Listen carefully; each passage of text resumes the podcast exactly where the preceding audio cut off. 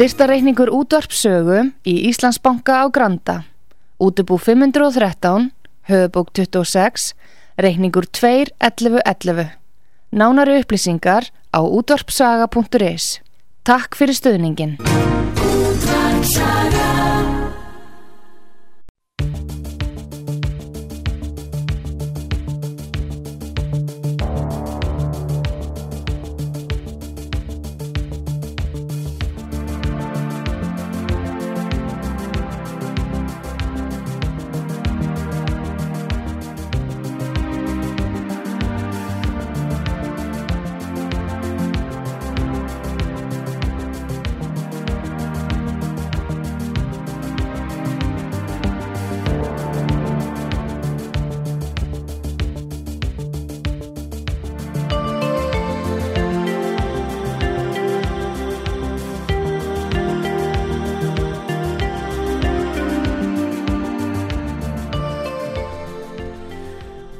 Komið sæli, ég heiti Arnar Þór Jónsson.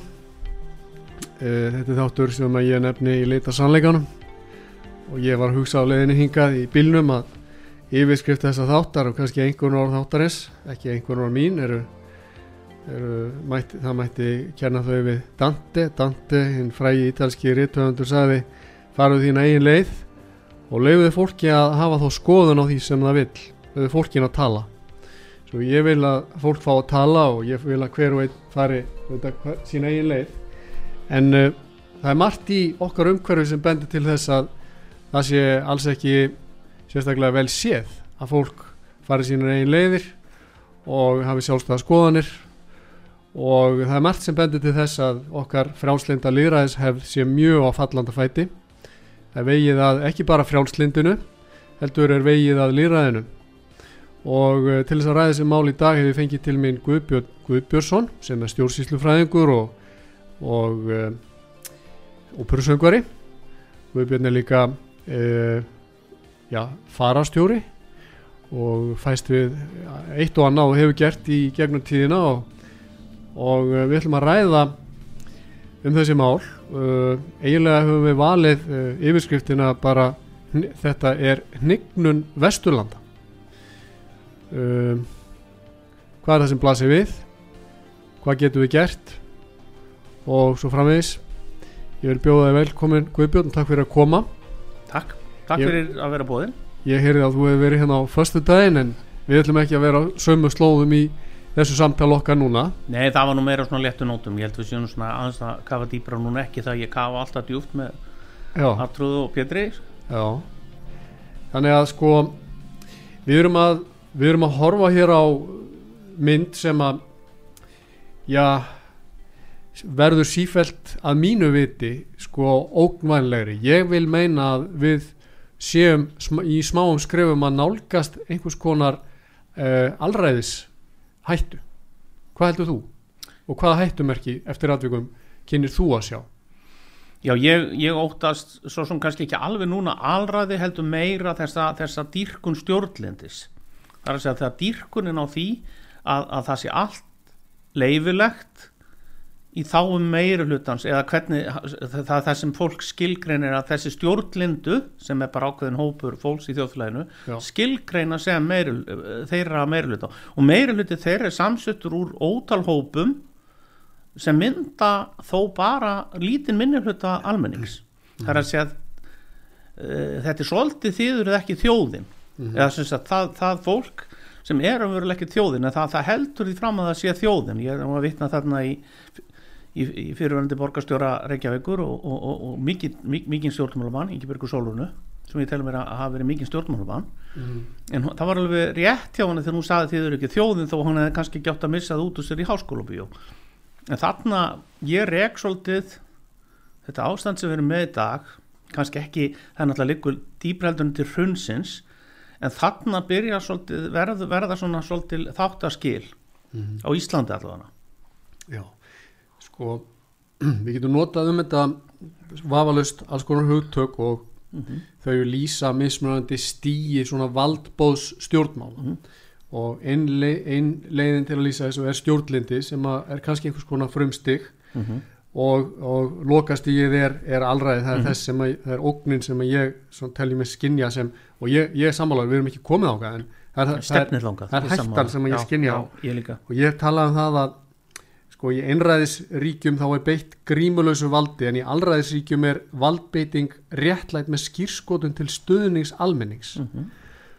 og til þess eru þá notaðir fjölmiðlar og ímis konar áráðustækni og þá málsvarar hinn á þessara hópa við sáum þetta og þess vegna ég veitna aftur í hrunið því þar var ímislegt num, með numugildi með það koma þarna þessi bráðabyrða lög mm -hmm. bankan og þetta var allt réttlætanlegt og þetta í ljósi bara þeirra, þeirra stöðu sem var þá en upp frá þessu var allir með sér sem að æsseif sem ég var með hafði nú mjög sterkar skoðanir á mótmælti einarlega við bestastæði og söng þannig einhvern kór og, og var í þessum uh, svona, í þessum fenshóp Já. Ég var ekkit þarna á einhver innsti kopur í búri en ég var þarna uh, viðlóðandi og hafði mjög sterkar skoðanir á þessu og hérna er stoltur af því dag eins og röglega hundruð ekki þúsundar annar Íslendingar sem böðust gegn þessu. En þarna átti að taka Íslendinga og raunverulega beita eh, almenning sem reyndist nú vera í, í atkvæðagreislum, þjóðaratkvæðagreislum reyndist að vera síðan almenningur var ansnúðun þessu. En þarna átti að beita í fyrsta skipti sem ég man í, í lið, á líðveldistíman þar sem að beittur umverulega valdi eða átti að beita, já, umverulega ofnbyrju valdi þess að þingið allaði að reyna að koma í gegn uh, skuldbindingu fyrir íslensku þjóðana sem, sem voru ekki rétt að þetta. Þetta hefur ekkert gerst nefnilega mjög oft hérna á Íslandi Mm -hmm. ef, ef þú hugsaður um það og þarna, og þarna byrjar að, að svona brotna úr þessu og, og eftir þetta hefur maður alltaf heilt rættir núna heyrum við rættir um í loftlagsmálum að þar sé hægt að þurfum við raunverulega bara að taka völdin af almenningi.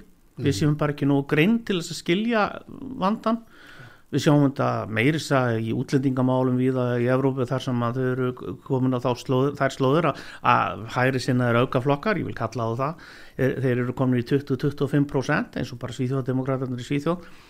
Að fólk það lætur ekki bjóða sér þetta að taka af sér völdunum þetta getur bara farið og hættulega braut alveg nákvæmlega eins og þetta að segja. Hvort sem það fyrir þá átt að, að stjórnlinda fólkið þessi minni hluti tekur völdin eða einhver meiri hluti eða eh, jafnvel í skjóli líðræðis tekur völdin. Og þá setjum við uppi með eitthvað eins og þriðjaríkið Já. ég er ekki að segja sem kannski alveg stefna þangað.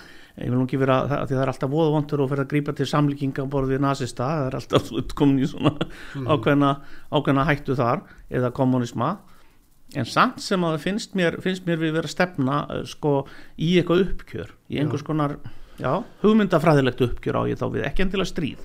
Já, sko þú nefnir hrunið og vissulega er það bara partur af býst ég við nýleiri Íslands sögu og réttarsögun eða þá þótti mörgum réttlætanlegt að, að svona mennirðu lagðir á högstokkin mm -hmm. í nafni þá réttlætisins er það ekki? Jú, jú, ég, hefur ég, verið ég, starfandi í ég verð að- og það var kallað eftir því að menn bæru ábyrð já, það er kannski ekkit einkynlegt það er Og- alveg og- ofur eðlilegt það- að, menn beri ábyrð á gjörðum sínum og, og ég veit nú Já, að þú sem Það fyrir ekki- dómari já. ég sem, sem, sem embætsmaður algjörlega. verða, að standa við það Að oft á sjálfsögðu. tíðum, eða því ég vinn nú við svona, ég úrskurða líka bara í skattamálum eða dollamálum að ég verða bara að fara eftir lögum og ég þarf að, og senda út frekar leiðileg bref það gerir einlega ekkit annað já, það er hef það höfustarfi að senda leiðileg bref út í bæ þar sem menn nú yfirleitt ekki káttir að fá, það- fá það sem ég sendi. Einmitt. og hérna þannig að það í sjálfu sér er ekki það sem ég á við. Það sem ég á meira við er, er kannski þegar slíkt er gert undir, undir fölskum, á fölskum forsendum. Já, einmitt sko, ég, ég er algjörlega sammála þessu og ég hef sagt það sjálfur, grundvöldu lagana er að menn beri ábyrð á eigin orðum og Já. eigin gerðum. já, Þannig ég vil ekki gera lítið úr því, nei, nei. En það má, það má líka setja bremsur, hins vegar verðum við að vera meðvituð um að það þarf að setja bremsur á það að einstaklingunum sé fórnað í nafni einhvers málstæðar og því þú nefnir sko þriðaríkið, Mhm. þá, þá sagði sagt, Hitler notaði þetta sem motto að hann sagði það sem er rétt það er það sem er gott fyrir þýsku þjóðina. Mhm, það sem Já. er rétt er það sem er gott fyrir þjóðina. Mhm, og það sem að við erum að horfa á í dag segi ég er, uh, er það að það, það er verið að sko, þú hefur notað, notað og við byrjaðum hérna að tala í beinni útsendingu, það er verið að plúralisera allt og, það, og, og polarisera og sko, polarisera sem Já. sagt í því felst að, að ef að það byrtist ykkur ógn við sjóndeldarhingin og hún er talin ógn við þá getur við sagt bara þjóðina eða Mhm. al, almenning Mhm. að þá þeir einstaklingar eða þau sjónamið sem að samræmast hérna ekki almanna heill eða þjóðarhag að það má þá bara taka það út af sviðinu Mhm. það má fangelsa fólk eftir atvikum þakka niður í þeim og svo framvegis. Það, það er undirliggjandi sko svona hvað maður kalla þetta? Einhver svona sko óg, það, er, er undirliggjandi svona Þetta er gert á báða bóa, ég verð að segja það sko, við, við, að ég nú hægri maður og, og hef alveg staðið við það í, í langa, langa tíma, alveg frá því ég var 16 ára, það er alveg 45 ára að verða. Já. sko þetta hafa náttúrulega hægri menn gert og vinstri menn á víksl alla tíð. Og þetta er náttúrulega bara pólitík og þetta er, en, en, og þetta er í sjálfustur ekkert að þessu svona meðan þetta er svona, meðan þessu er ekki misbeitt, þú veist að maður bendi á einhvern óvinni eða eitthvað slíkt. Það er, getur alveg verið eðlilegt eins, eins, eins og við sáum í, í, í hruninu þegar við vorum beittir hérna þriðjverkalögum og öðru og þá vorum við náttúrulega var maður bara í hálfur stríði og það var ekki óðurlegt að maður skilgrein einhvern óvinn í slíku þegar maður á, á eða, og það er náttúrulega aldrei gott eða uppbyggilegt maður kannski þarf ekki endilega að vera uppbyggilegt en þannig ennú bara erum við gerð Mhm. en það sem við verið að gera núna það er verið raunverulega að taka þjóðfélagi sem er líðræðisþjóðfélagi Já. og búa til óvinni að fólk í staðan fyrir að við ræðum okkur niður á niðurstöðu er raunverulega verið að- polarisera og þetta, svo við sáum þetta mjög vel þegar Trump var við völd í bandaríkjónum og við erum að sjá þetta bara víð á Vesturlöndum Mhm. og, og þetta er eitthvað sem er alveg þessi samstæði sem myndaðist núna til þess í Úgrænu stríðinu hún komið svo í opna skjöldu að ég eiginlega bara, ég átti ekki vonu að þetta væri ennþá hægt. bara svo ég nefnir dæmi, ég, ég átti frekar vonu á því að, að hérna, og ég held að, að Putin hafi heldur ekki átt vonu á þessu en, en, en þetta er ak akkurat það sem við þurfum við þurfum blán blönd að samstöðu Mhm. þegar það á við, Já. eins og til þess í umhverfismálum sjálfsagt að standa saman við það eh, og, en við, við mögum ekki nota að gera þetta a, a, a, með valdbóði og, og, og, og, og, og stjórnlindi, það þarf að ræða sér niður og niðurstöður og það er það sem ég finnst verið hættu Já. finnst menn hafa ekki hafa þólinn maður lengur til þess að leita líðræðislegra lausna. Nei. og ég, ég sé það svolítið í þessar ríkistjórn núna þar uh, gerist raunverulega voðalega lítið í þessar ríkistjórn, það gerst mjög lítið undan farin fjögur, fimm ár. Uh, það er að því að þau, þau ræð ekki einu sig ekki eins og nörst, þau gera bara hennilega ekki neitt. Og og þá erum við komin í hættu Arnar. Já, það sem að þú ert í raunin að lýsa er annars vegar svona, við getum sagt að ef að maður á að tala um þetta svona örstutt, bara örstutt sko út frá hugmyndafræðinni að það var tekist á í, í svona vestrætni hugmyndasögu síðar í alda tvenns konar þræðir. Annars vegar frá John Locke og hins vegar frá Thomas Hobbes Mhm. það sem að Locke er svona maður svona uh, það sem einstaklingshygjunar hverju mann er bóðið að leita að hamingjunni og verja sinn, sitt frelsi og svo framvegis. Og, og einstaklingurinn þeirri mynd er hugsandi. Á meðan Hobbes var meira á því að sko einstaklingarnir væru kjánar sem þyrst að stjórna og við þyrftum stert og valdið þetta að koma ofan frá og niður en ekki neðan frá upp eins og hjá Lo- Locke. Og svo, svo þú veist að þegar þú segir að menn hafi ekki lengur þólemaðinu þá eru menn að færast úr því sem við höfum kallað svona klassíkina sem er Locke á Vesturlöndum yfir í Hobbes og þá, þá að bóða og þá að fyrirskipa og þá að vald svifta einstaklingana. Já, við erum ekki, og þetta er að gerast miklu hraðar en maður kannski átti vona á. Núna höfum við, ég, ég er nú ekki gamall maður ég er þó 60 og ég man alveg þá tíma sko, sem sagt upp á 1970 ári í batn og svo uh, hvernig, hvernig til dæmis Reagan og Thatcher og, og, og frjálshyggjan kom og, og einstaklingshyggjan var átti aftur uh, sagt uh, eitthvað sæti á Vesturlöndum. En það voru tímar í kjölfar heimstyrjaldarinnar síðar frá 45 upp á 1950 það sem, það sem heimurinn var svolítið já, hann var stjórnað af öflugum leiðtóum og einstaklingurum var í sjálfu sér ekki mikil smetin hann átti bara hlýða mm. síðan sko raunverulega gerist það upp úr 1970 þetta voru efnaðislegir erfiðleikar eða ekki erfiðleikar heldur svona ákveðin umbróta tími og náttúrulega hippareyfingin 67 og París og, og Frankfurtarskólin og allt þetta sem gerist þarna akkurat á þessum tíma koma fram og þetta er náttúrulega aðalega vinstri menn sem síðan kulminiserast raunverulega í rauðu herdeldin og Baden Meinhof og öðru. Uh, fyrir hérna á stað svona ákveðin intellektual reyfing sem síðan bara verður militant. Og þá, og, þá- og þá svo raunverulega sér almenningur býtan á þess við þeir eru fannir að í loft upp hérna og þeir eru mjög að ræna banka þetta. Og þá svona fjarlægast menn aftur þennan, þennan það var náttúrulega stór hluti almennings var náttúrulega aldrei hrifin að þessu en, en það var ákveðin svona vinstri intellektualar sem fylgdu þessu fólki að málum og þá kom svona fram uh, svona friðsamari reyfing græningjar og hluti sósjaldemokrata uh, og svona fríðarreyfing og margt annað. Og þetta var allt ekkert slæmt og, og ég vil meina sko að að hýpa hreyfingin með þessa og, og, og þessar breytingar sem áttu sér stað áttu sér upprinn í París það voru svona frelsis hugmyndir að miklu að frels frá kynlífi og það. Ég sem frjálslendur íhaldsmaður hef ekkert á móti mörgu, það var margt mjög staðnað í okkar þjóðfélagi eh, sem þurfti ákveðið uppbrot það þurfti að verða uppbrot Já. í háskóla samfélaginu og annar staðar. Það þurfti meira líðræðina samfélagsins. Við þurftum að hleypa konum meira að bara til þess að hafa meira jafnrétti. En sem gengur þetta svolítið langt og, og, og, og, og þarna eru menn ég mun ekki segja þér hafi vegið á okkur hærumennum úr launsátri en þeir eru þarna ákveðni svona já, hálfu militant vinstrimenn sem, sem eru á bakvið þetta.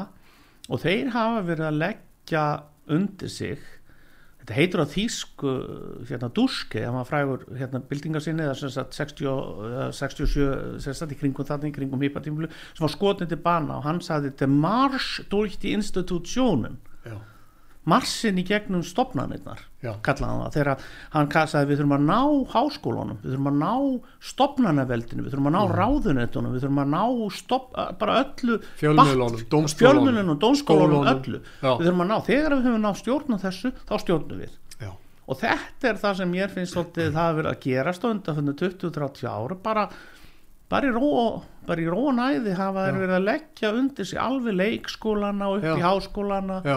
allar stopnanir það sagði við með ungum maður um þetta, daginn. þetta, þetta er er svona þetta er án fordæma svona friðsum yfirtaka á, á, á, á Vesturlöndum eins og hefur átt sér stað. Og ég er ekki á móti framförum. Ekki, þetta snýst ekki um að ég hef verið sér á móti því sem að var, var, var, var ráðgert sem, var- sem var rætt frá 1967 til, til 80 og þessi valdefling kvenna og valdefling eh, homma og lesbía og þú veist þetta var alltaf hennu góða þú mútt Já. ekki miskilja mig og þarna og þarna hefur þeim tekist að demonisera þessum, þessum, þessum þessum litla hóp vinstrumanna tekist að demonisera allt til hægri Mhm. alveg frá því að þeir erum eftir Reagan og, og, og Thatcher og, þá, og við erum raunverulega svona ósnertanleir Já. við hægri menn, við erum raunverulega orðin svona það er eins og þessum holdsveikir eða, eða geislaverkir já, það er svona mín og, og, og, og það sem verður er okkar fórista pólitíska fórista hún ver sig ekki einu sinni. Nei. Hún, á mínum að hún ver sig ekki gegn allskins ásökunum.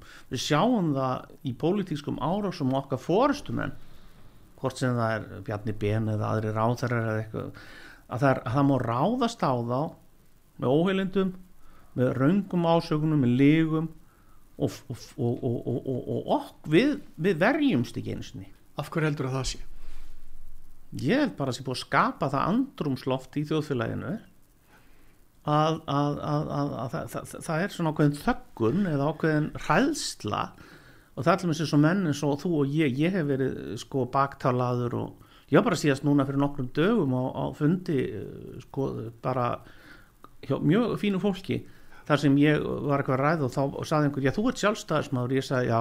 Og þá var bara horfið á, hárt á mig eins og ég væri bara einhver eitthvað ómenni, bara ofbeldismadur já, þetta var 20 mann hópur sko, þar sem að, og, og, þe- þetta var eins og og, og, og, og ég bara sagði já já ég er það já, og það voru þarna tveir því framsóknarmenn og uh, eitthvað svo leis, ný framsóknarmenn ég kalla það ný framsóknarmenn.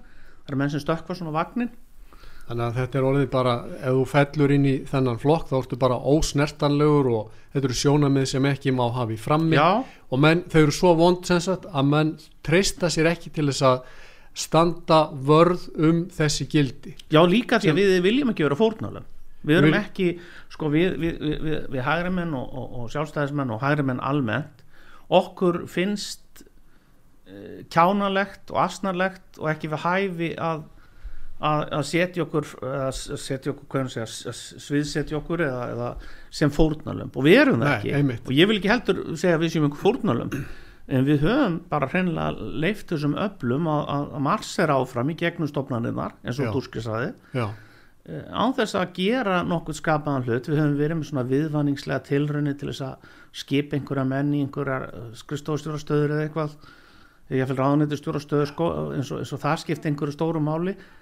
Nei, það skiptir einn lengur máli sko. það er, það, það er en það er líka annað sko, ég fór að stútera þess að ræður fyrirvændi formanna sjálfstæðisflokksins. Uh það var gefið út rít einhver tíma sem heitir bara sjálfstæði stefnan eða eitthvað. -huh, og það er svolítið ábyrjandi þá voru menn á, lengi framan að vera að tala um hugssjónirnar sko. uh hvað felur frjálslindið í sér? Eins og þú ert að lýsa, Já. já. við viljum við erum ekki á móti breytingum. Nei, hérna, við viljum leifa fólki að hafa skoðanir við viljum allir hafi rödd, við erum tilbúin að hlusta á aðra. Mhm. en það er líka hugsununum hvað viljum við vera? Ekki bara hvað erum við heldur hvað viljum við vera. Og það finnst mér Og- hafa skort talað um- það finnst mér hafa skort undan fyrir nán mér finnst Já. það hafa verið eins og e, e, svolítið, eh, það voru svona vangstífðir þarna í hruninu. Þetta náttúrulega var erfitt. Ég menna maður bara horfa á þannig þó ég telji nú ekki að sjálfstæðistefnan eða hægri stefna hafi ótt þessari hrunu heldur, heldur þetta var bara bæði alþjóðlegt hlutur og svo bara klikkuð ákveðnar eftirlitstofnan og, og, og það er bara vandi sem hefði bara átt að gangi að leysa. En, en í sjálfu sér sko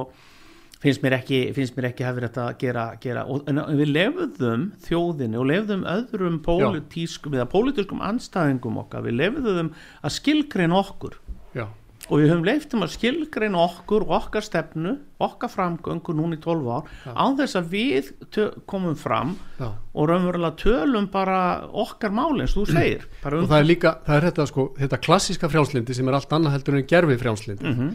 og þú nefnir sko uh, sko stöðuna eins og hún er að teiknast upp Mhm. ég var að hugsa það bara fyrir í morgun þegar að, því ég kallaði gerfi frjálslindi til dæmis þegar að vera að fremja í rauninni mannréttindabrót í nafni mannréttinda þú skilur, Mhm. ef við erum að tala um það sem er það sem er, er rétt að gera er það sem er gott fyrir þjóðina Mhm. og, þá, þá, og þegar er búið að klína einhverju á einhvern hóp að hann sé þá háskalegur gagvart hagsmunum þjóðarinnar Mhm. að megi þá taka hann úr umferð þá voru að brjóta mannréttinda á þeim hópi í nafni mannréttinda meiri hluta segja Mhm. þjóðarinnar skiluru þetta var mjög, mjög og ég, ég er sjálfur þrý bólusettur ég hef alltaf sagt það og ég reyfst hérna aðeins sko við, við Artrúð og Pétur á sínum tíma ég, ég hérna var í einhverju heima vinnu þarna í einhverja þrjá, þrjá mánuð og ég, ég fór svona mestuleiti sko líti ég við þið og ég var ekki svona, ég bara kann ekki við svona frasa, ég er ekki maður sem set þetta á Facebook mér, finnst það bara, ég hlýði í rauninni bara lögunum. Já, ég er bara mjög, mjög lögklíðin maður en ég er á móti því þegar, að vera, þegar, þegar ríki fyrir að tegja sig svona og þarna fannst mér menn vera komnir ansi langt. Já, og ég, ég setti þetta á Facebook ég fekk alveg svakalega ska, skammur og, og, og, og, svíverðingar að ég taldi eins og dæmis uh, þegar við vorum að ræða þessi heimasóttkví eða hvort að sótt menn, það, þegar ég var á sumarskoðun Jón Magnússon og fleiri lögmaður þar sem ég sagði bara af hverju ef ég var að koma utan sem ég var, ég var aðeins að ferðast á þessum tíma ekkert mikið ég fór einhver, af hverju, ég fór nú ekki á hótel þegar ég misti akkurat af því ég hefur alveg, ég brjálaður að ég þurfti að vera skikka til að fá á hótel en ég sagði bara af hverju má ég ekki fara í mitt 180 fermetra einbýlishús sem er svo virki sagði ég, það er sko og svo get ég fengið mat sendan frá krónunni sko. af hverju þarf ég að fara inn á eitthvað hótel í einhverja, það sem er fullt af smituðu fólki, í stór hættu? Sko skilur þannig að ég, ég raunverulega tók undir þetta. Eins tók Já. ég undir hérna hvað hérna Jón eh, Einar eða ekki þarna, Jón Ívar Einarsson. Já, já, Jón Ívar Einarsson. Já, mér fannst hann mjög skynsa, skynsamlegur í andri sinni gaggríni hann var mjög svona bara hófstiltur mér fannst allt, sko, allt þetta fólk bara umræðan einkennast að meðalhófi. Já, Og að þeirra hálfu. Já. og, og við getum sagt að umræðan hafi, um, hérna, hafi einkjast að því sem við getum kallað bara klassist frjálslindi það er að segja, ef fólk, fólk hefur yfir á þau sínum eigin líkama, Já. hugsunum, orðum Já, og gjörðum. Og með þeir ekki að setja aðri hættu. En auðvitað móti, á móti nefnilega var það þann á vaksandi áhersla á það að- á stjórnlindi já, og valdbóð já, og það Og- sá maður kannski það var kannski skiljanlegt þegar við vorum að sjá þessar myndir hérna frá Kína og Ítalíu. Svo í byrjun, se- meðan við vissum lítið en eftir sem þetta, sem þetta leið áfram sérstaklega þarna frá því frá því hausti þarna 2020 Já. eða ekki það var 2021 maður alveg, uh, já, jú.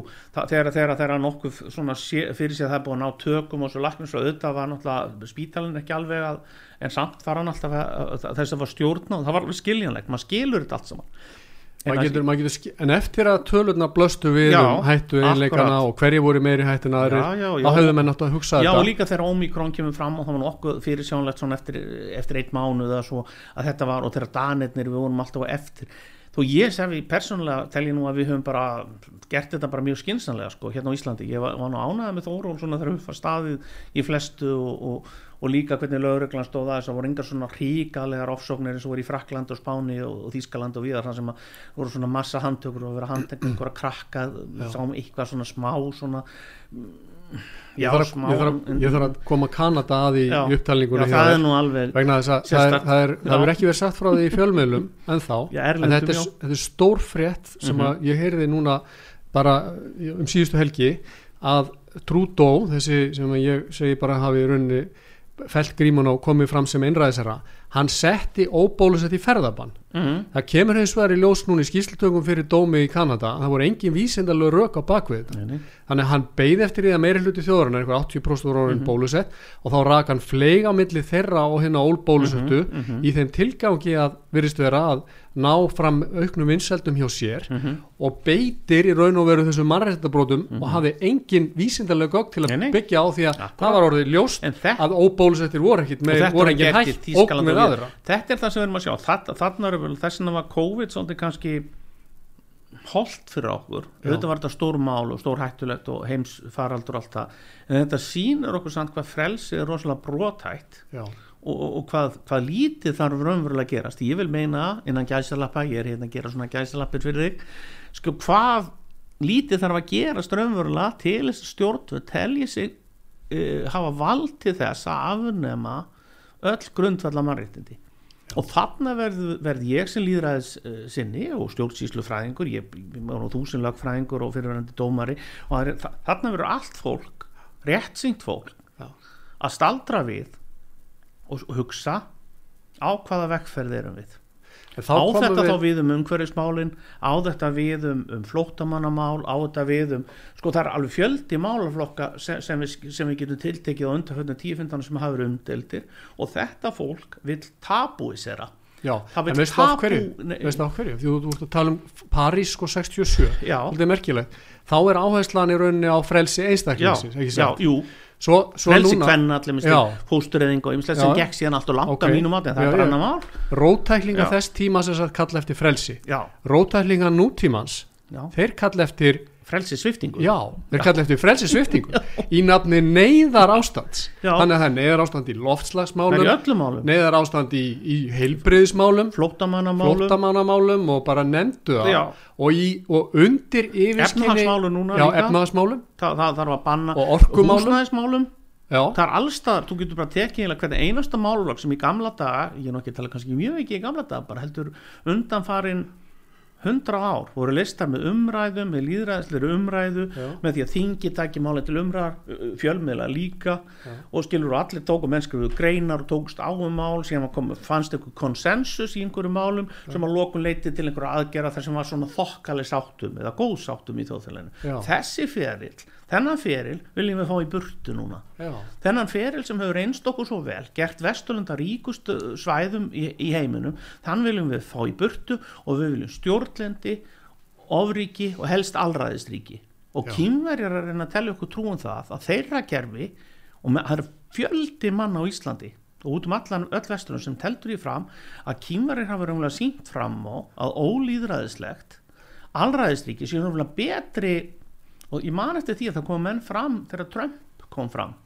að það væri nú algjör sönnun þess hvað líðræði væri gjaldþróta hugmyndafræðilega að slíkur maður kæmist í stól fórseta vandaríkjana Trudeau er til að til að ég nefndi hann hann er til á sko myndbandi að tala um það hvað hann dáist að Kína sko Já, já ég vissi það ekki en þetta, Ja, það kemur ekki óvart. Það kemur mér ekki óvart. þetta og kemur ekki óvart að Macron, dáist að væri, þeim. Ma- Macron sagði það sama kemur ekki að hann er sko- besti vinnu Putin, hann er alltaf að tala um það algjörlega, því að það, þeir eru svo fljótir geta svo, svo Þetta er- komið sínum stefnumálum í gegn þetta án mótfróa þetta eru menn. Ef þú tekur Trudeau og Macron og þessa menn þetta eru bara menn sem get ekki staðið í lappirnar. Þetta er svo ístöðulöst fólk. Þetta er, þetta þetta veikt fólk. Sem hefur engar grundvallar uh, hugmyndir eða, eða lífskoðun heldur er það líf, án lífskoðun og þar komum við umhverflega kjarna málsins held ég. Það er það sem þú ert búin að vera að tala um Já. og mjög góð hjá þér einu upptalningin og öllum gildunum sem hvað voruð upp í 3000 ára gömul sem hún var stann að telja. Já, og, og, og, og, hafa öll staðið tímans tönn. Já, eigum við að tala aðeins Guðbjörn í setni hlutanum um lífskoðanir Já, ég held að það veri fínt að því það er grunnurinn eða grundvöllurinn fyrir þessu öllu saman Já. að það er þar sem er tómarum í dag. Það er bara hreint og klokk tómarum flott. Tökum það í setni hlutanum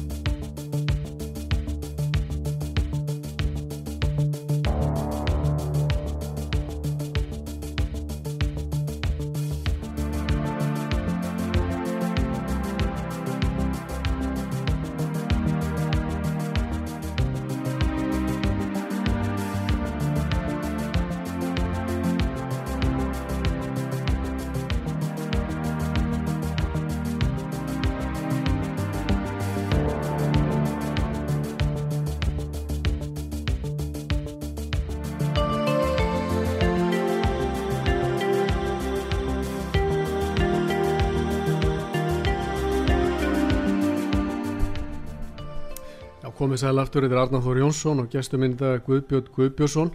Við erum að ræða hér um svona ástand mála á Vesturlöndum og ætlum að halda því áfram. Og við erum sammálum það að við sjáum ímis hættumerki á lofti.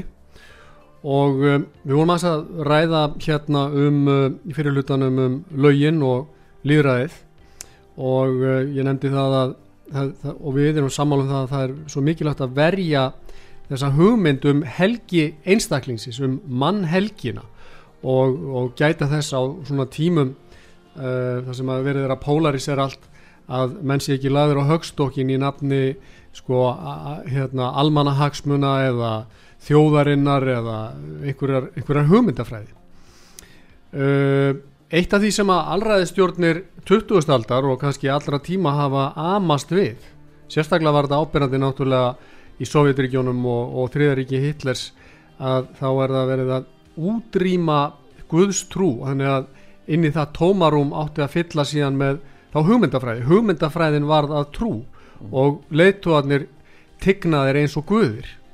Og uh, þetta er kannski það sem við getum byrjað á að ræða núna í setni hlutanum.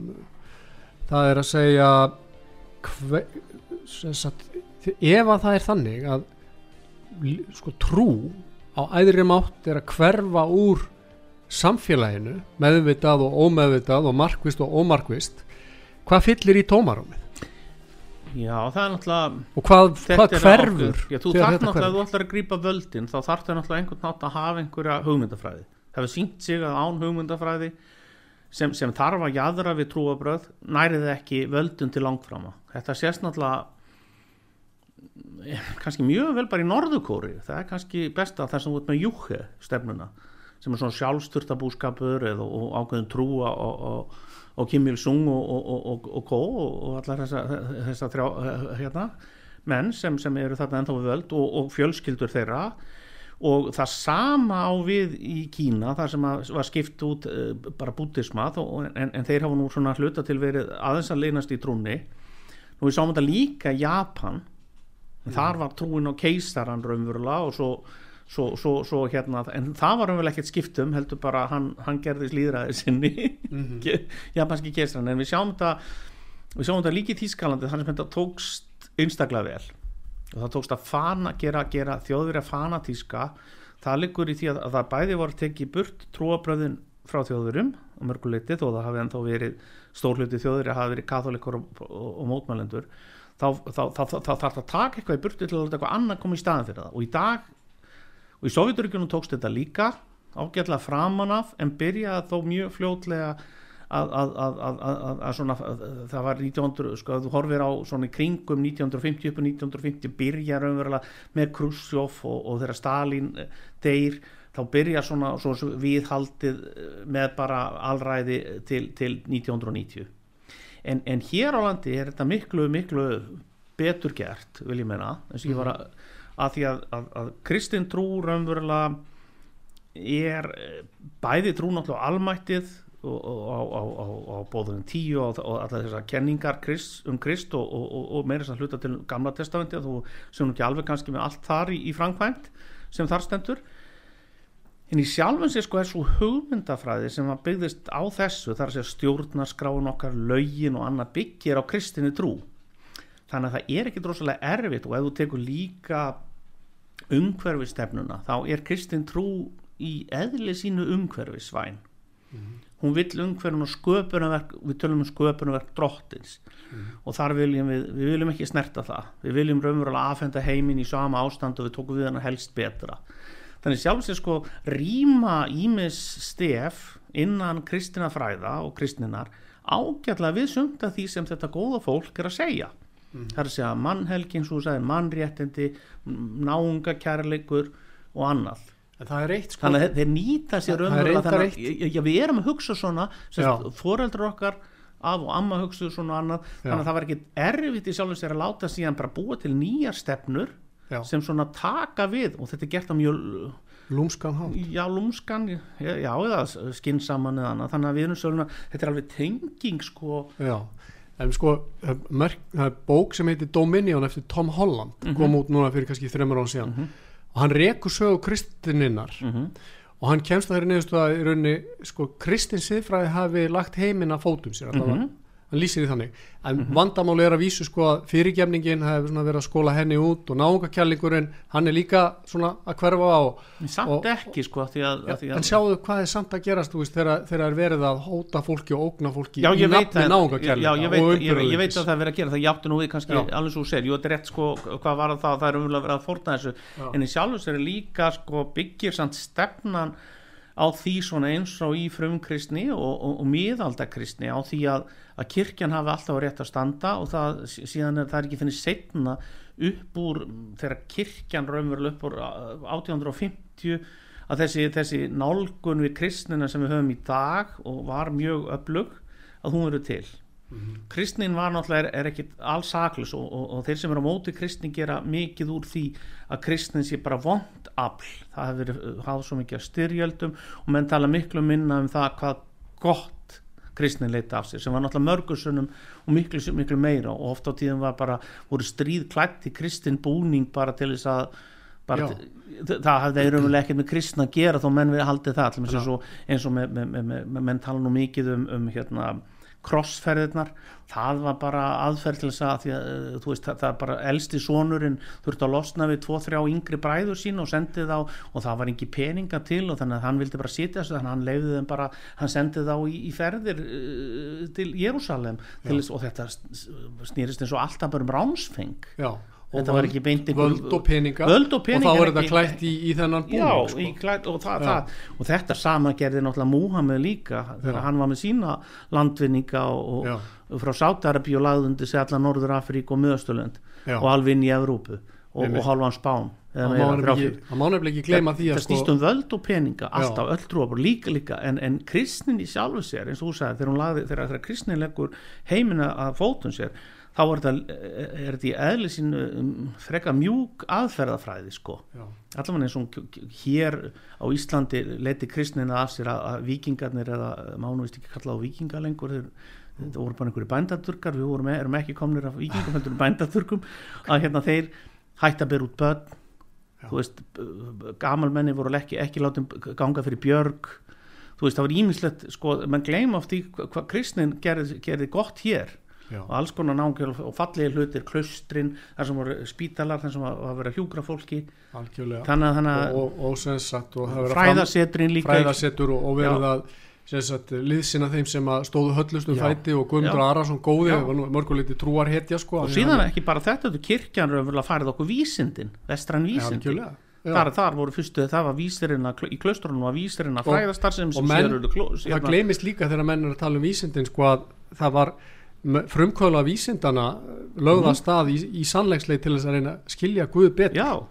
Guð var mælikvarði allra hluta Endur efnafræði, eðlisfræði eh, hún er hluti bara að útskýra mátt og, og kraft Já. Guðs Já. og er ekkert, ekkert er, stangast ekkert á og það er kannski, kannski nútíðamaðurinn þarf að átta sig á og hugsanlega kirkjan líka Já þarf að útskýra það fyrir fólki að, að, að almættið og, og, og bara Guð almáttur og krafturinn honum hann, hann, hann, við erum ekki að afsanna tilvist Guðs með eðlisfræði eða efnafræði eða einhverju raunvísin þvert á móti Nákvæmlega. við erum með þetta að útskýra miklu betur þessa undursamlegu veröld sem við erum með í kringum okkur Já, undursamlega og þegar, fólk fyrir að skoða þetta ég las það, ég las það í, í gerkvöldi að sko ef þú tekur amöbu þú ætlar að forrita ein, eina amöbu Já. ein frumung Mhm. og þú myndir skrifa upp kóðan þá þyrfturu, ef þú tekur sko gamlu encyklopídjuna, Já. breytt hann ykkur þá þyrfturu þúsund þannig. Já, þúsund, til, já, Til þetta einfalda það er lífsform textin til Já. þetta einfalda lífsform. Já, já. þannig að sko þá serður nú bara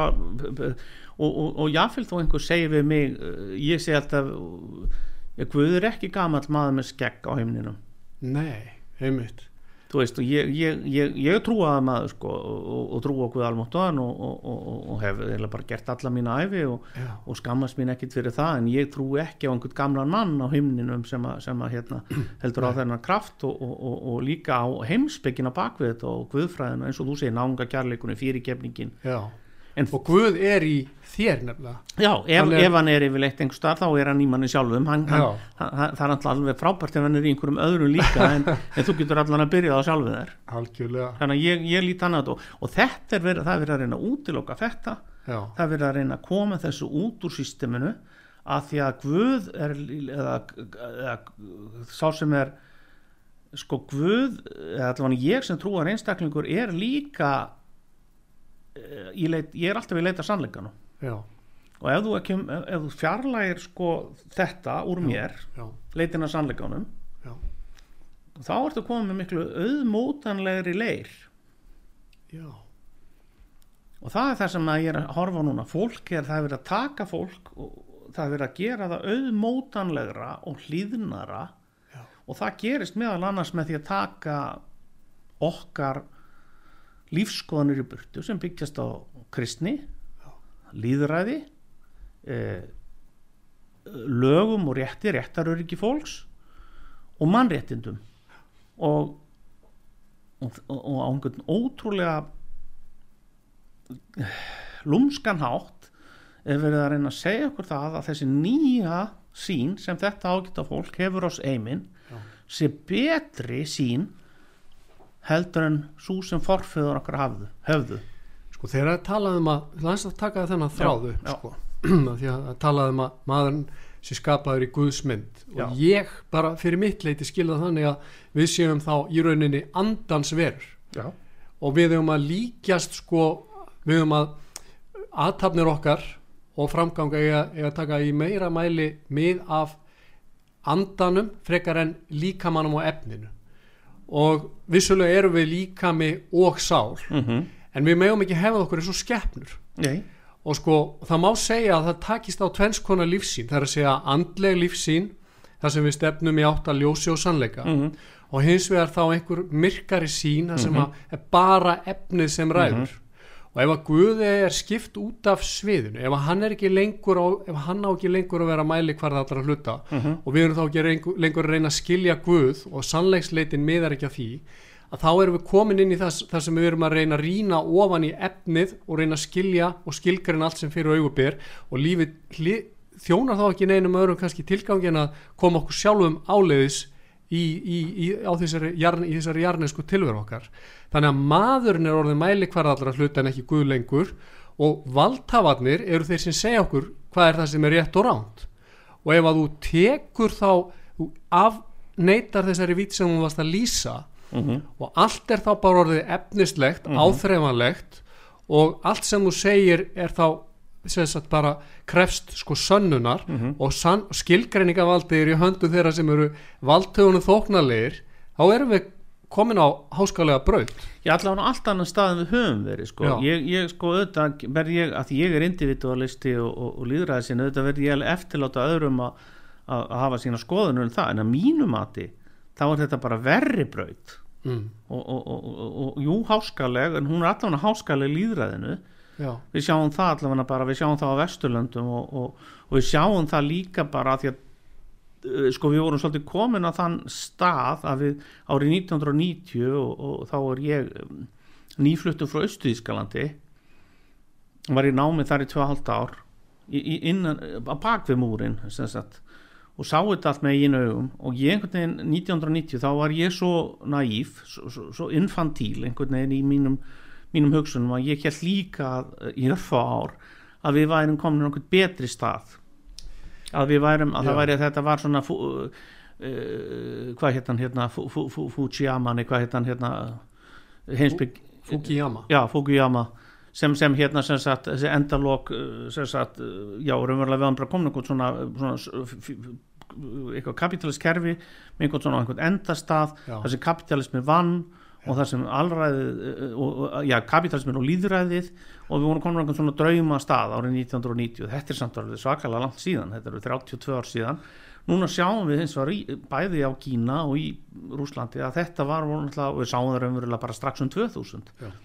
þegar hans ljóst var að, að, að við, við, við, við, við, við, við komum líka ekki vel fram við rússa, það verður líka segja stælum svo er Mhm. eftir 1990, auðmíkt og svolítið Mhm. og þeir, þeir, þetta, þetta, ég er ekki að setja sér okkur að kenna þess, þetta stríði Úkrænu þvertimóti, þetta er þeim að kenna Mhm. þeir eru ofbeldi sinnaðir, við hefðum getað gert ímislegt öðru, við gerðum það samt ekki nú þurfum við raunverulega bara að vinna úr því þeirri stöðu, en við sjáum líka við gerðum margt, bara Íslendingar gerðum margt rámt líka eins og við gerum fríverslunum samning við Kína Já. Hver- hvernig óskofunum en datt einhverjum í hug á Íslandi að gera frí að því Ólafur Ragnar Grímsson sagði að uh, doktor skilur og, og á, hverju, á hverju var það gert? E, það er bara Sviss held ég sem er með fríverslunum samningu í Kína og við. Já. hvaða voru viðskiptalegir hagsmunur á bakið já sem menn, menn ætlaði að flytja út fisk til Kína. Það var engi fiskútflutningur ráði verið til Kína. Ok. Það eina sem gerist var bara að, að tollurinn uh, datt niður á þessu skrani sem þeir eru að flytja til okkar. Já. Þannig að þannig að það, við, við, við gerðum sko mér er þessi Íslendingar þessi litla þjóð gerði feila sko. Já. en var það út af því Guðbjörn af því að þú lýsir þessu vísar til þessa tíma og ég man eftir þessu og Fukuyama lýsir þessu sko hann skrifaði mm. End of History. Já, end of history. Heiti, heiti já, akkurat. Að sko sem nú reyndar að- hann er búin að bakka út úr þessu sjálfur með þessu end of Já. history dæmi sko, það er svolítið fyndið. En Vegna menn vitna að- ennþá í þetta. Ég er svona verið að veltaði fyrir mér síðustu misseri hvort það getur verið að við höfum í rauninni verið sko mist fókusin og fara bara einbytta okkur að því að grilla eins og já, græð og grill og það er alltaf lægi og og haldið að það þyrfti ekkit lengur að vera á vaktin já, já, það var kannski bara eðlilegt uh, viðhorf og kannski bara gott að því að við, við einhvern veginn vorum vorum þreyttur á svo kaldastrið það er líka einhvern veginn og við unnum það skilur og þegar þú vinnur það verða værukærir já, maður verða og bara værukærir. eins og þú segir sko pólitíska umræðan fyrir að snúast á um vexti og erlenda Já, skuldir já, og auðvitað sem að og skipta líberalis er máli ennþá meira Já. og líberalis En- er ennþá meira en og meira hugmyndafræði til dæmis eins og sjálfstæðisflokksins Já. sem er bara þetta klassíska frjálslinda íhald sem þú ert að lýsa. Með, með björgunarnet og öllu við viljum líka hafa svona algjörlega og í svona kristnum anda við viljum taka ábyrða okkar minnstu bræðrum og systrum og allt það.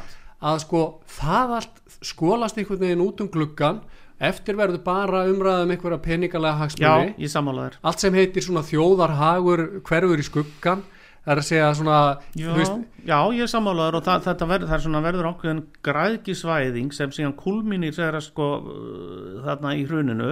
Já, semst frá 2004-05 þarna við engavæðingu bankana sem síðan uh, leiði til hrunsins hjá okkur allavega, allavega í þessum mæli því að hrundi náttúrulega hvergi nokkur staðar hrundi þetta svona hreikal eins og hjá okkur Jú, þetta er ákveðin værukærð en, en, en, og, en og, og valdið í rauninni er að miklu leiti framselt sko úr landi já, já, já. lagasetningavald Já, og hluta já. komið til, út, E, og til við, útlanda og, já, sko. já, og bæði lagasetningavaldið og, og við ekki einu sinni meðvitið um það að reyna að takmarka eitthvað því að við nú vorum ekki einu sinni að notværa okkur sko já, tækifærin sem í því fólst að, að, að þú værum á efnarsvæðinu sko þá, erópska efnarsvæðinu þá hef, hefðu nú hugsanlega geta sko gert þetta betur okkar laga, sko, lög innan þess ramma. Já, þannig að það var uh, bara treyst á það að allt sem kemur frá Brussel væri bara opbóðslega fínt. Já, af því að það, það því að sko sögunni hafði lokið kommunistin hafði já, tapað. já, já. Ha, Já, þetta svo- er umlega, og þetta fyrir allt undir þennan, þetta, þannig, að- eina sem við þurfum að gera er að vara að græða. Já, á daginn og grilla á kvöldin. Einmitt, en Síðan svo kem- erum við kannski blind fyrir því sem gerist. Það er að segja að í rauninni Já. það rís ofur ríki hinum með við hafið sem er Evrópusambandið. Já, já, já, já, já, það gerir það samt sem og ég er ekki að segja að það sé eitthvað háskalegt Nei, nei, og það er umverulega ekkert slíkt. Já, það, það er ég er ekki að segja það það en, er svolítið eins og en lögin eiga þá að miklu leiti upp runa sinn þaðan. En það sem að gerist síðan er að það eru kannski Evrópusambandið sko ég er nú Evrópusinni, þannig lagað. Já, þó ég sé nú á því núna að við höfum ekki að gangi Evrópusambandið í byli, það Já. er bara mín skoðan að það sé bara þar sem hlutir að gerast. Ég var miklu hrifnar efnaðarsbandalæginu já, heldur en að Evrópusambandinu Já, það er það að þessar auka stóðir sem hafa, það er alltaf verið að bæta við nýjum og nýjum stóðum þetta stóð, það er svona ákveðin dulbúningur bara þú segir við ætlum að yfirtaka þjóðríki á þessu og þessu svið og þeir kalla það síðan stóð já. Það hljóma miklu betur endur en yfirtaka sko, að segja, já við ætlum að taka þessi völd af þjóðríkinu en þá segir við búin til stóð sem heitir þessi stóð og svo heitir Já. fjármála stóðin, það heitir félagslega stóðin þetta er, Já, Þetta er, það stendur á fyrstu, í fyrstu Já, grein Rómasáttmáls. Ever Closer Union og, og það er alltaf verið að og og bræða þetta saman. sko, að, að þetta Þetta er hugmyndafræði. Já þetta er hugmyndafræð og ég segi bara uh, kól og myndan á. Ég fylgdist með sem ég var að bjóða núti og ég les náttúrulega mikið og horfa á þýska fréttur og svona. Sko og það er komin svona ákveðin já þetta náttúrulega byrjaði náttúrulega på að vera í Danmörku allan tíman þessi, þessi, þessi e- Evi. En hann er líka í Pólandi, hann er í hann er í Tjekklandi hann er í, hann er í allir östur Evrópurum og þarf ekkit ungverja til veist, þeir eru Mhm. náttúrulega svolítið sér á parti en, en, en, og, og, og það er svona ákveðin ef um það að þessi samrunni þurfa að dýpka endalaust, þetta er eins og þetta sé einhver svona trúarkenning. Já, þetta er miklu, Sko- miklu meira og ég til mistur Evrópu sinna án þess að ég vilja samrunnin, sko hann, hann gengur alltaf hratt fyrir sig. Já, og þetta, e, þú er á það helmingurinn af Evrópu búið meira á því að það meira að sam- samrunnin gangi hratt fyrir sig. Já, það er ekki allir á kól mittir á Merkel-línunni já, eða Macron-línunni. Já. Þetta kemur er- aftur að því sem vorum að ræða um áðan sko. það er að segja að, sagt, að hver og einn einstaklingur eigi hafi rétt til að efast Já. mynda sér sjálfstæða skoðanir Mhm. og hafa eitthvað um það að segja hvernig líf hans þróast taka þátt í pólitík, Mhm. taka þátt í umræðu á frjálsum vettvangi ekki vera lamin niður, ekki vera fangelsaður við erum búin að framselja þetta vald í hendurnar okkur lobbyistum sem, sem, sem lobbyistum í Brussel sem, sem hafa alveg gríðarlega áhrif og, og, og svo uh, einhverjum kommissurum já. og, þarna, og, þarna, og ég tel að Evrópa muni fyrir en síðar finna, vilja breyta þessu En hvað getum við gert? Af því að nú erum við, sko, nú erum Búin. fimm minútur eftir. já, já.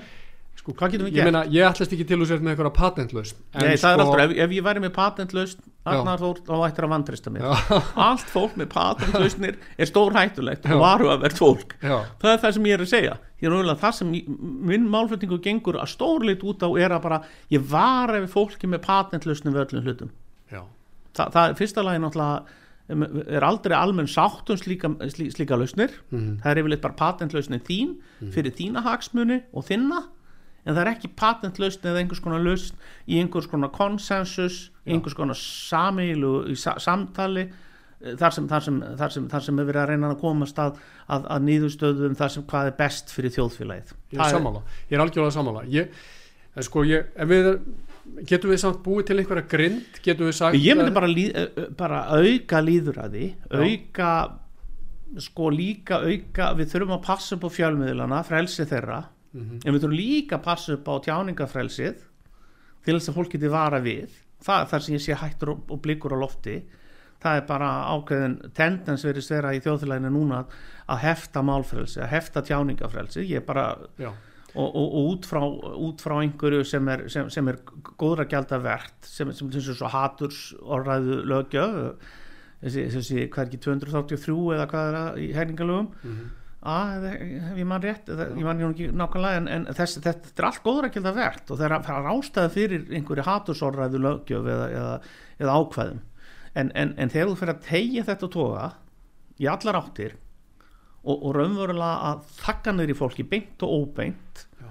þá eru konur hættilega breytt þannig að tjáningafrelsið, líðuræðið e, það skiptir öllu máli að mínu mati og það er það eina sem getur komið í veg fyrir, fyrir umræðan og frelsi fjölmiðla og ég held að séum ég heyri nú á, meirins á Katrínu fórsættisráður og fleirum að fólk hefur áhyggjur að þessu.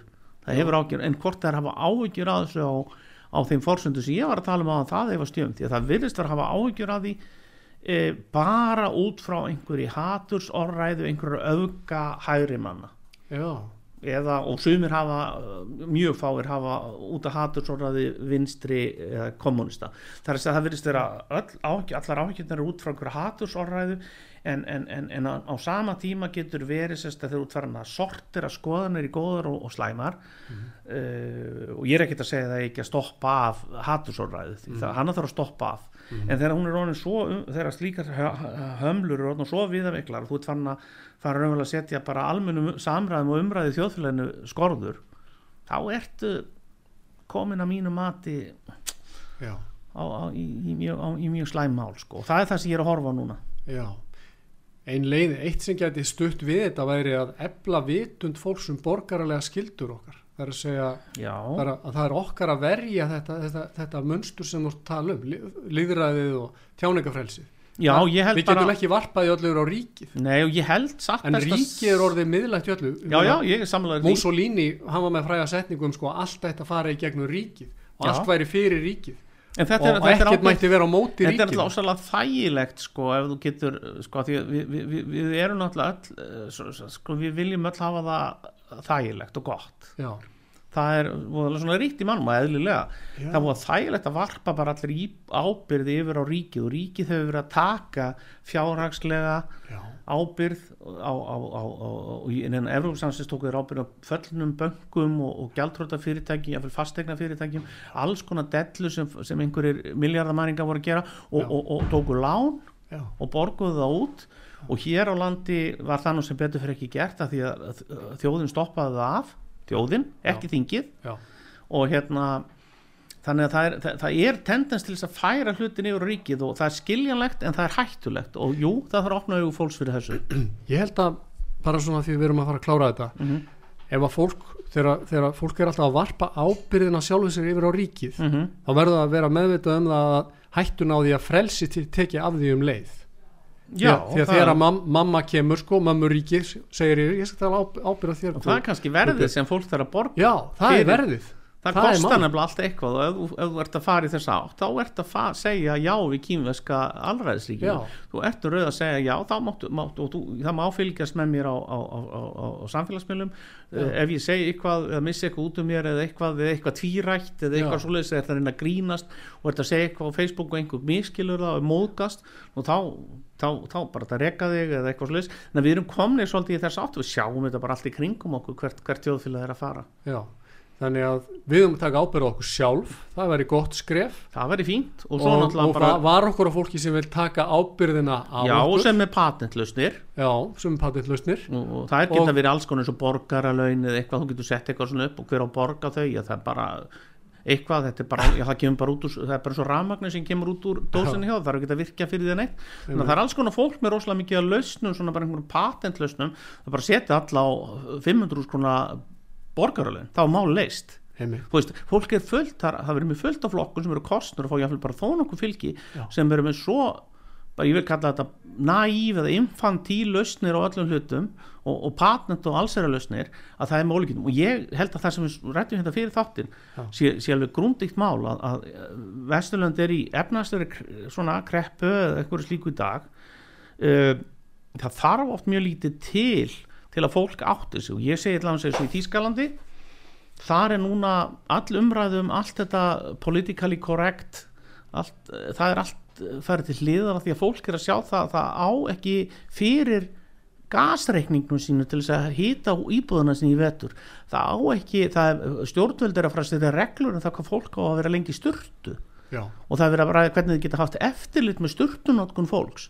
Skilur fólk Já. bara um leið og kemur svona grundvallaratriðum já, þá hérna fólk er fljótt átt þessu og núna bara fólk hægt að ræða allir þessi mál sem, að, sem að voru þú veist um, um, um tungumáli hvernig að breyta því og, og allir þessi, allir þessi dægur mál sem við höfum verið að ræða hafa verið óskaplega mikilvæg í umræðinu hjá okkur undanferðin 5-10 ár. Þau eru bara fór út á dasgrá í Þýskalandi bara með því einu að fólk hefur áhyggjur því að hýta íbúðuna sína og hvort það kennst í sturt í vetur. Þegar þannig að þetta gerist mjög hratt. Þegar kaldu veturinn kemur þá er fólk fljótt að átta sig. Já, við skulum vona að, að hann þurfa nú ekki að vera mjög kaldur og dimmur þessi veruleiki vona- áður en við Ég vona vöknum það. til lífsins. En ég óttast það eins og svo ofta áður í sögumannsins já, að það þurfi eitthvað ekki nógu gott að gerast mhm, til þess að sé tekið á hlutunum. Ég óttast það. Já. En vonum það besta. Besta. á skynsemi fólks já. takk fyrir að koma Guðbjörn. Takk fyrir spjallið. að, að vera bóðið já